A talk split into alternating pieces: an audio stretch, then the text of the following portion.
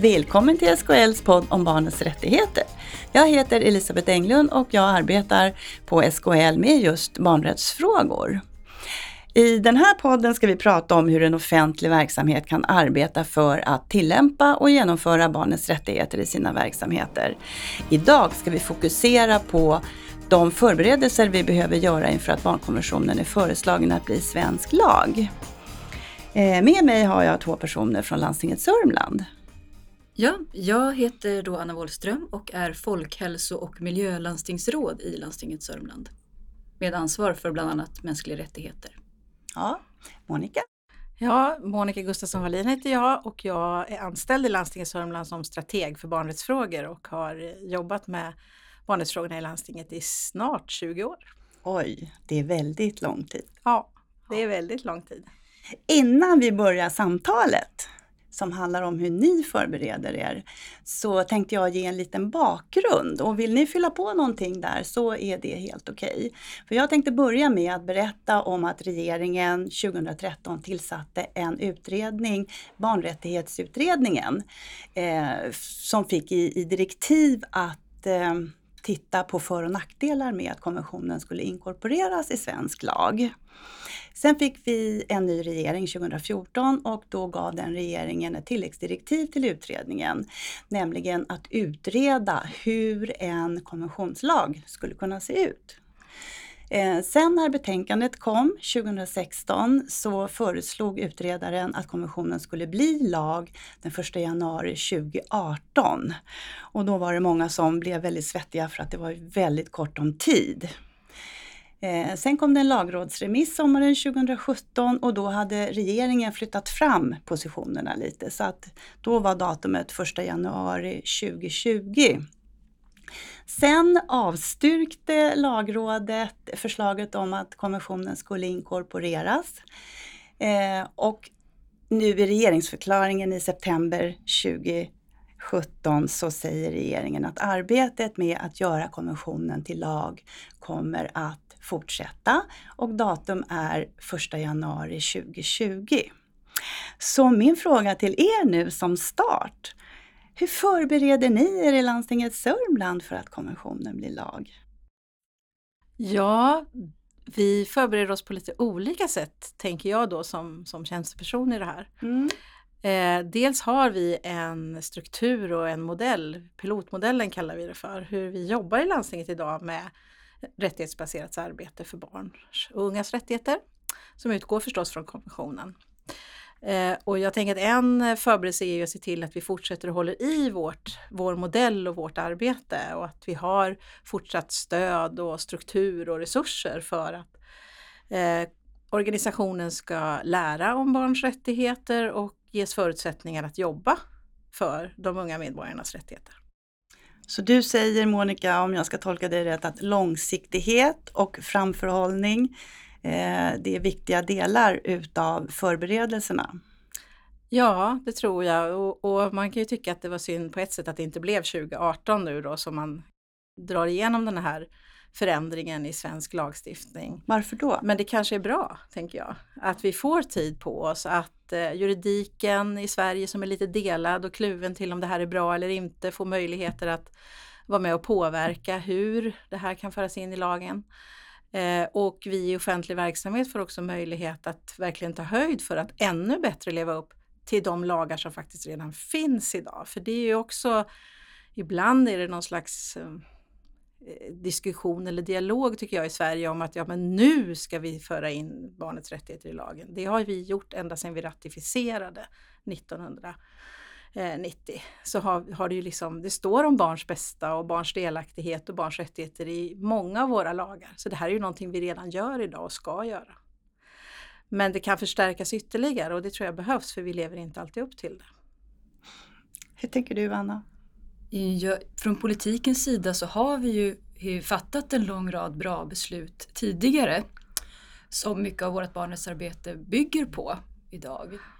Men jag tror att idag ställer man sig nog lite frågande inför vad det är man ska ta vidare och jag tror att det skulle kunna behövas någon form av kunskapsstöd till, eh, till politiken just för att tydliggöra vad, vad nästa steg ska vara. i och med att man har fattat de här goda besluten och vi har arbetat väldigt bra med det så, alltså, så blir det en undran, men, men, men nu då, vi gör ju redan en massa. Så. Och det här är ju, blir barnkonventionen lag så kan ju det höja kvaliteten i det arbete som bedrivs inom vården och andra och landstingsstyrda områden. Eh, så att det, det, kan, det blir någonting väldigt positivt. Eh, men eh, man behöver nog reflektera lite mer kring exakt innebörden och exakt vad politiken ska bidra med. Och när du tänker kunskapsstöd, vad skulle det kunna vara? Ja, alltså lite mer konkret, handgripligt. Vad ska detta innebära? Vad kommer det innebära i praktiken? Att konventionen blir lag? Att konventionen blir ja. lag, precis. Ja. Nu har vi ju ett bra stöd. Vi har ju kompetenta medarbetare som sitter här också som, som, eh, som kan bidra med det. Men eh, vi skulle behöva en, en, politisk diskussion som inte blir partipolitiskt färgad. Mm. Men som ändå riktar, alltså ett, ett, underlag som riktar sig till politiker på bred front i både landsting och kommuner tror jag. Där jag har uppfattat att, jag uppfattat att de här frå, frågan finns nog på fler håll än hos oss. Så vi har fått indikationer på att både den politiska nivån och på handläggarnivå så förs det diskussioner om att ja men nu kan vi lägga ner det här arbetet nu, vi behöver inte göra någonting förrän det verkligen blir lag. Mm. Och då pratar vi alltså om 1 januari 2020. Eh, men ni håller ju arbetet vid liv. Det gör vi och den, det finns ju ett pågående samtal om vad det här ska innebära. Det finns, men, men som sagt, det, är, det kan vara svårt att se det konkret. Hur, hur, tänker du kring den här svårigheten att se det konkret, Monica? Eh, ja, jag tror att, att eh, eftersom det för många också, även i den politiska sfären tror jag, och för oss tjänstepersoner, så finns det här redan i lagarna. Så vad är nytt? Jag tror att där kommer den här pedagogiska dimensionen som Anna lyfter nu. Liksom. Vad är det som ska bli nytt? Det står redan om barns bästa i patientlagen. Det står redan om barns rätt till delaktighet i patientlagen, om vi nu lyfter ut en lag bara till exempel. Men jag tror att, att eh, i, i, Sverige generellt så tror jag vi är lite så här, ja men mänskliga rättigheter, det har väl vi på plats i Sverige. Vi är ju ett demokratiskt eh, fritt land som ser till människornas bästa. Men det finns ju faktiskt eh, ganska många både frivilligorganisationer och institutioner och myndigheter som visar i sina arbeten, skrifter och forskning och så att vi kanske inte kan så mycket om rättigheterna. Alltså vad står det verkligen i de här konventionerna och i de här lagtexterna och vilka krav ställer det på olika nivåer? Politik, tjänstepersoner, professioner. Och där tror jag Sverige behöver rusta sig. Alltså tydligare informationsskrifter, webbutbildningar, eh, verktyg där det blir möjligt för en sjuksköterska eller en lärare eller en politiker att tänka hur ska jag ta med det här i min vardag? Hur ska jag kunna professionalisera barnets rättigheter in i min profession? Ni har ju utbildat barnrättspiloter i landstinget Sörmland i väldigt många år. Mm. Och målet från början var väl att ha en pilot i varje verksamhet, barnrättspilot i varje verksamhet. Ja. Eh, kan du berätta lite grann om den här barnrättspilotorganisationen? Mm, det är eh, alla våra chefer i alla våra verksamheter, allt från ekonomienheten till eh, mm, vårdcentral eller vad det nu kan vara, ska utse minst en anställd som får extra kunskap om FN-konventionen och barnets rättigheter och som ska stödja chefen i att hitta rättighetsbaserade arbetssätt. Eh, och idag har vi ungefär 270 aktiva och utsedda barnrättspiloter. och det är ungefär lite drygt 85 procent av våra verksamheter som har en barnrättspilot idag. Och det som har varit häftigt med den resan, det började med 15 personer år 2000 som gick en utbildning tills idag då att vi har per år ungefär 35 personer som går varje år. Det som är häftigt med det är att vi har fått ett lärande i vår organisation nära barnen och nära medarbetarna. Med nära medborgarna och nära medarbetarna. Som gör att det här är inte en icke-fråga och man kan lite grann om man har hört barnen först, man har hört barns bästa, man har hört barns rätt till delaktighet i olika sammanhang. Eh, och vi får ett gemensamt språk i våra verksamheter också kring rättighetsfrågor. Eh, de här orden, de här benämningarna som kommer från konventionen och FN-kommittén och eh, stöd från SKL och Barnombudsmannen och så. Det är inte främmande ord och främmande språk. Det tror jag är en viktig nyckel och verktyg för en organisation att, att bygga ett lärande i sin egen organisation. Och det hjälper de här barnrättspiloterna till med. Spännande. Mm. Var, har alla, var alla med? Vill alla vara med? Alla verksamheter? Ja, i stort sett så vill alla det på ett eller annat sätt. Sen ser det ju förstås jätteolika ut. En eh, vårdcentralschef kan ju se en nytta i en barnrättspilot ganska direkt och konkret. Att en barnrättspilot kan stötta arbetet med hur man till exempel gör rutiner för orosanmälan, hur man på ett APT utbildar personalen i barns rättigheter. Det kanske är lite mer perifert för eh, upphandlingsenheten, på vilket sätt de kan ha nytta av en barnrättspilot. Men även där har man ju börjat komma på att man behöver ta till exempel sociala hållbarhetshänsyn i upphandling. Att vi inte upphandlar material som tillverkas av barnarbetare.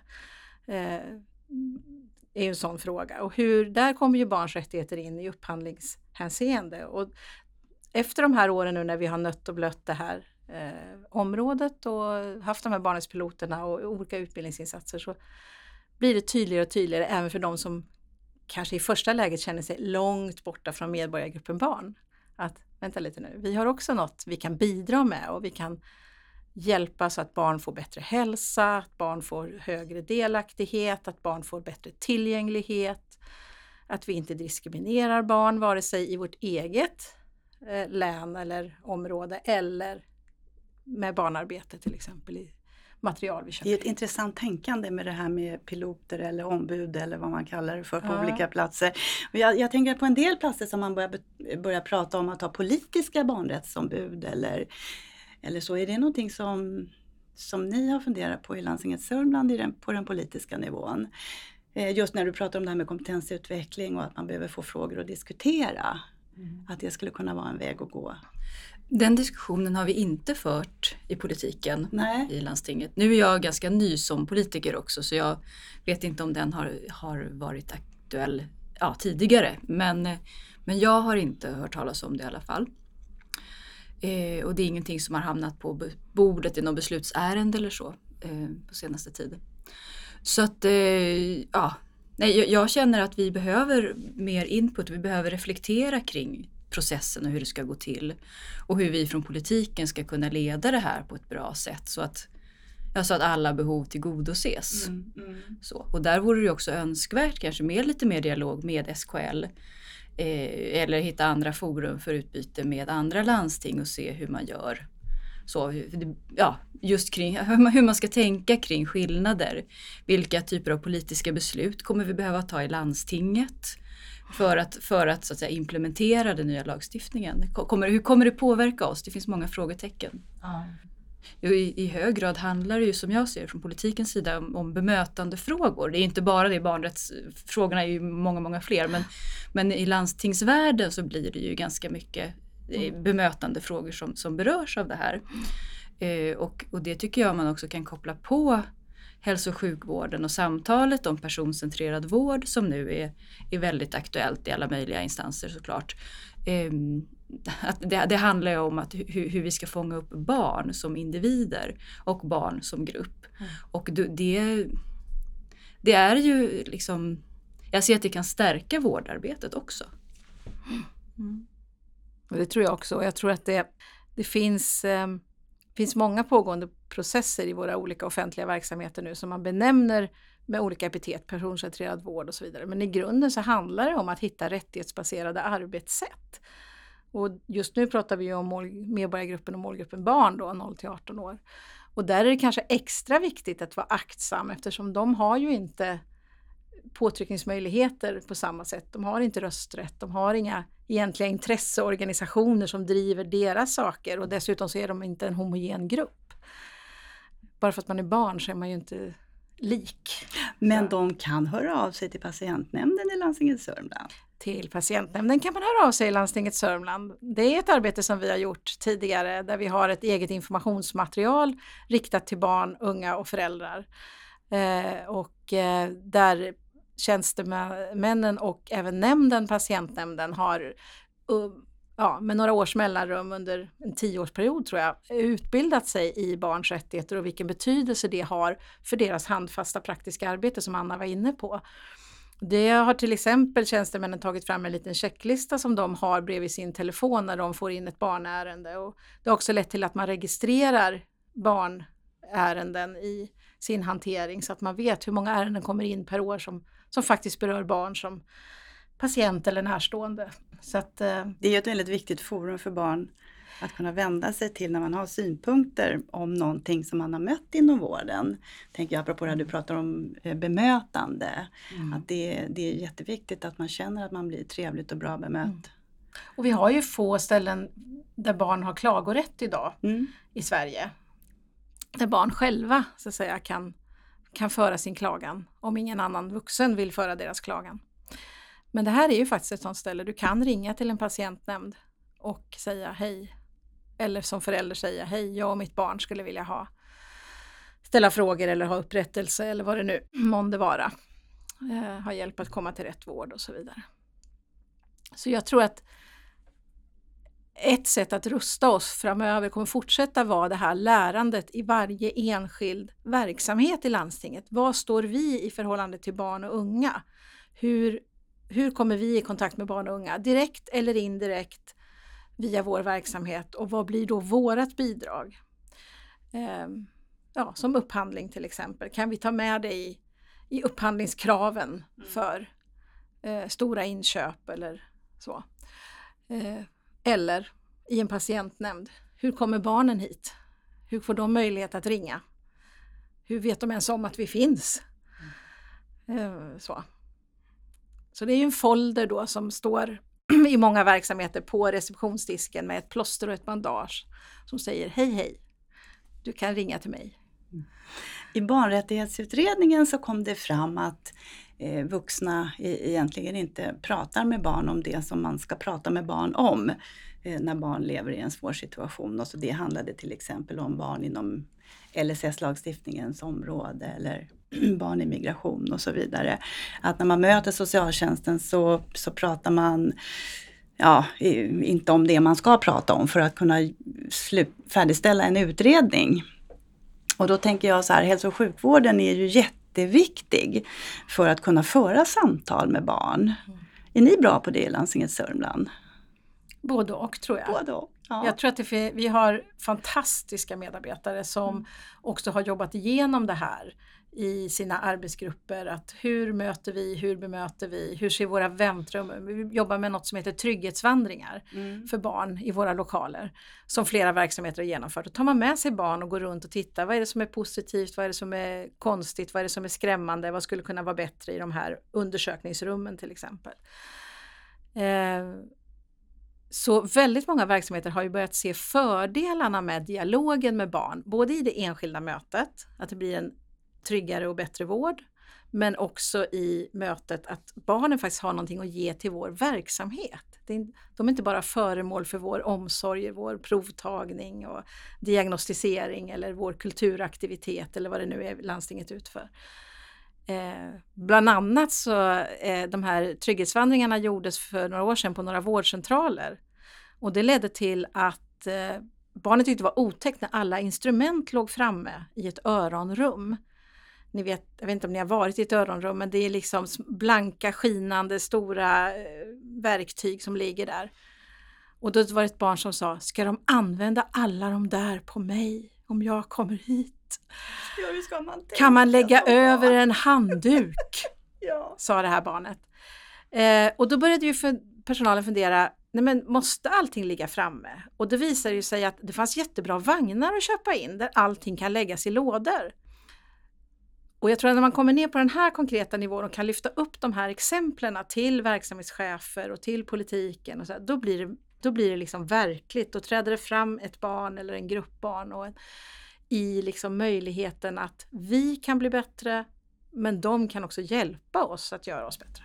Och det är de här barnrättspiloterna som du pratar om nu som bidrar i verksamheterna till att de här frågorna lyfts upp ja. Eh, och diskuteras i verksamheten. Det är ett av de verktyg som de får information och lite ja. kunskap om när de går vår grundutbildning. Att ett sätt att ha dialog med barn är att föra in dem i verksamheten utifrån en trygghetsvandring. Mm. Um, sen så uh, tror jag att en, en, en, annan del är ju, som, en utmaning som vi har, det är ju att många av de professioner som finns i landstingets verksamheter, framförallt inom hälso och sjukvård som är vår största verksamhet, de har ju inte med sig kunskap om att interagera med barn i sina grundutbildningar. Och det ställer ju särskilda krav på oss som landsting. För ju helst skulle vi ju vilja, eller hur Anna, att det kom med i grundutbildningarna tänker jag. Ja, jo, det behöver det ju göra. Ja, men nu har vi inte det alltid och då blir det ju vi som får göra det och där, där tror jag vi kan göra mer. Att uh, göra föreläsningar om att det faktiskt inte är så krångligt heller att prata med barn. Ibland tycker jag vi gör det där lite svårt. Mm. Sen finns ju, jag tänker på barn i särskilt, särskilt utsatta barn också mm. som du nämnde Elisabeth. Barn, barn inom habiliteringsverksamhet, vi möter barn i landstinget då, som utsätts för våld, mm. som kommer till vården och tandvården och sådär. Och där tror jag att eh, ja, att man tydliggör ett ansvar för de här grupperna och att vi behöver, behöver möta dem bättre. Att det finns brister och inte, och inte särskilt hos oss men i Sverige ja, överlag.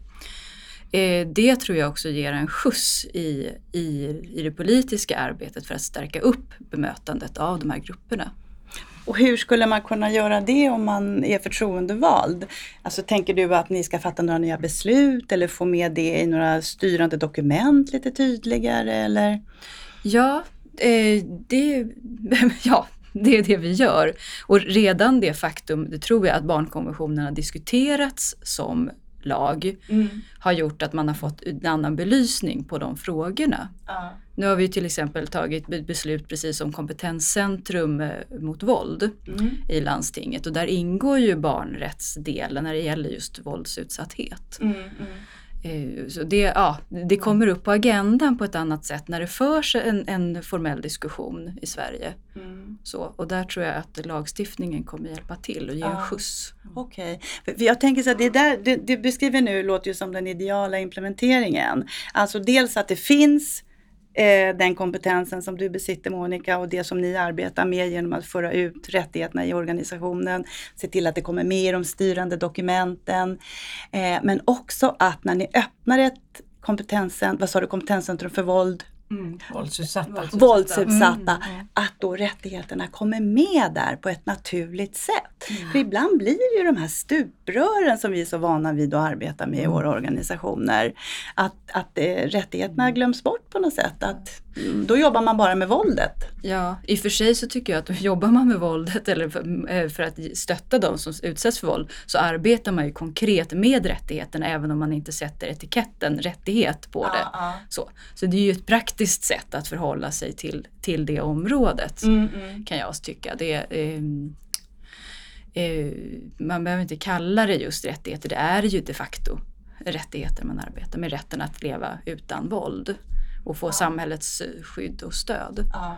Så, um, Ja, vad tänkte du vidare där? Nej, jag bara tänkte om ni funderar över eh, att stärka implementeringen ytterligare på något sätt. Som eh, utifrån den forskning som har bedrivits i landstinget Sörmland då, så där visade det sig att det var väldigt viktigt att, eller väldigt tydligt att implementering och kunskapsutveckling är två parallella processer. Mm. Så finns det väldigt mycket implementering, alltså det finns i de styrande dokument och vederbörliga beslut finns, men det finns ingen kunskap om rättigheterna. Så är det då är det jättesvårt att veta vad, vad det är man ska implementera. Mm.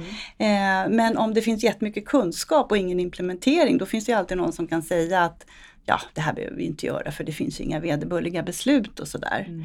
För först när de här ligger i fas så kan man använda sig av tillämpningen och välja metoder och verktyg. Precis. som du säger. Ja, och, och, nu, nu dels så pågår det ett generellt arbete med att stärka barn och eh, just ja, man tänker, vi pratar om, om våldsutsatthet, nu vet jag att nu lämnar det generella och går in mm. på ett specifikt område mm, men man måste också kunna prata om ja. konkreta, mm. konkreta utsatthetsområden. För, eh, där vi i Sverige är då kanske lite, lite dåliga på, på att möta upp barn. Mm ja, som sagt inom barn som utsätts för våld, barn inom LSS och habilitering och barn i mm. asylprocessen och så. Eh, så att vi, vi behöver ju jobba med det konkret och vi gör det. Och jag, men som sagt, jag tror att hela diskussionen om att barnkonventionen är, befinner sig på dagordningen politiskt. Redan det gör ju att de här frågorna också blir tydliga. Jaha, är vi inte så bra på det här i Sverige? Och då får man upp ögonen för det på ett nytt sätt. Mm. Så. Men jag tror också det här, det är intressant det här med hur man, jag tror det var du Anna som sa det, hur, hur man benämner saker och hur man har ordens betydelse eller inte. Och, och det finns väl inget liksom, facit på det.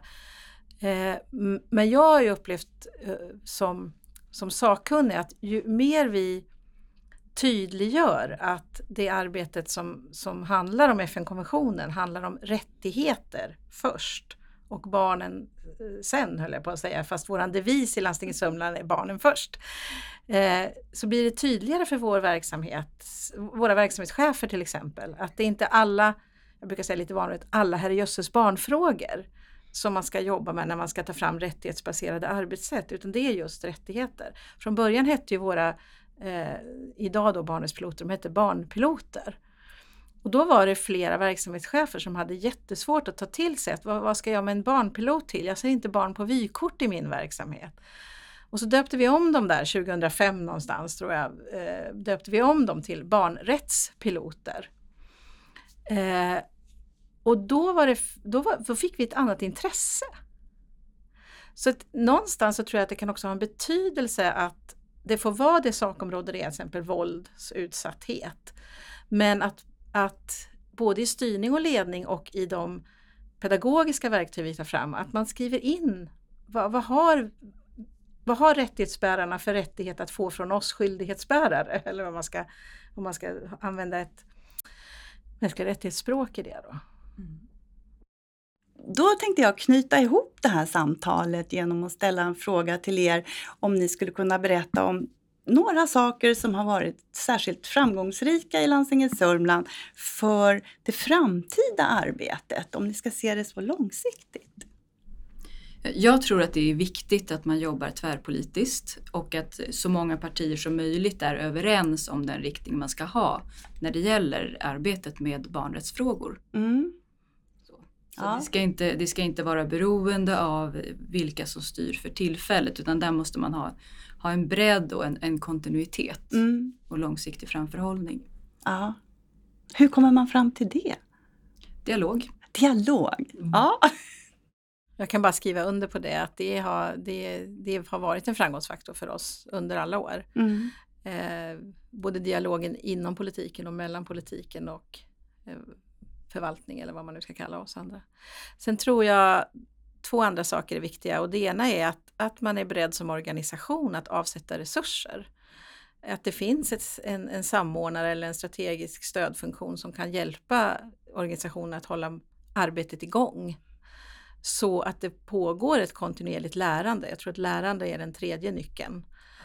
Vi måste lära om barns rättigheter, både som ett eget kompetensområde men också i förhållande då som sagt till våra verksamheter och våra professioner och våra medborgare som vi finns till för. Så jag håller med om tvärpolitiskt förankrat, avsatta resurser, samordnande resurser och ett, ett kontinuerligt lärande i organisationen. Vi har valt Barnets piloter men det finns ju många andra sätt att göra det på också.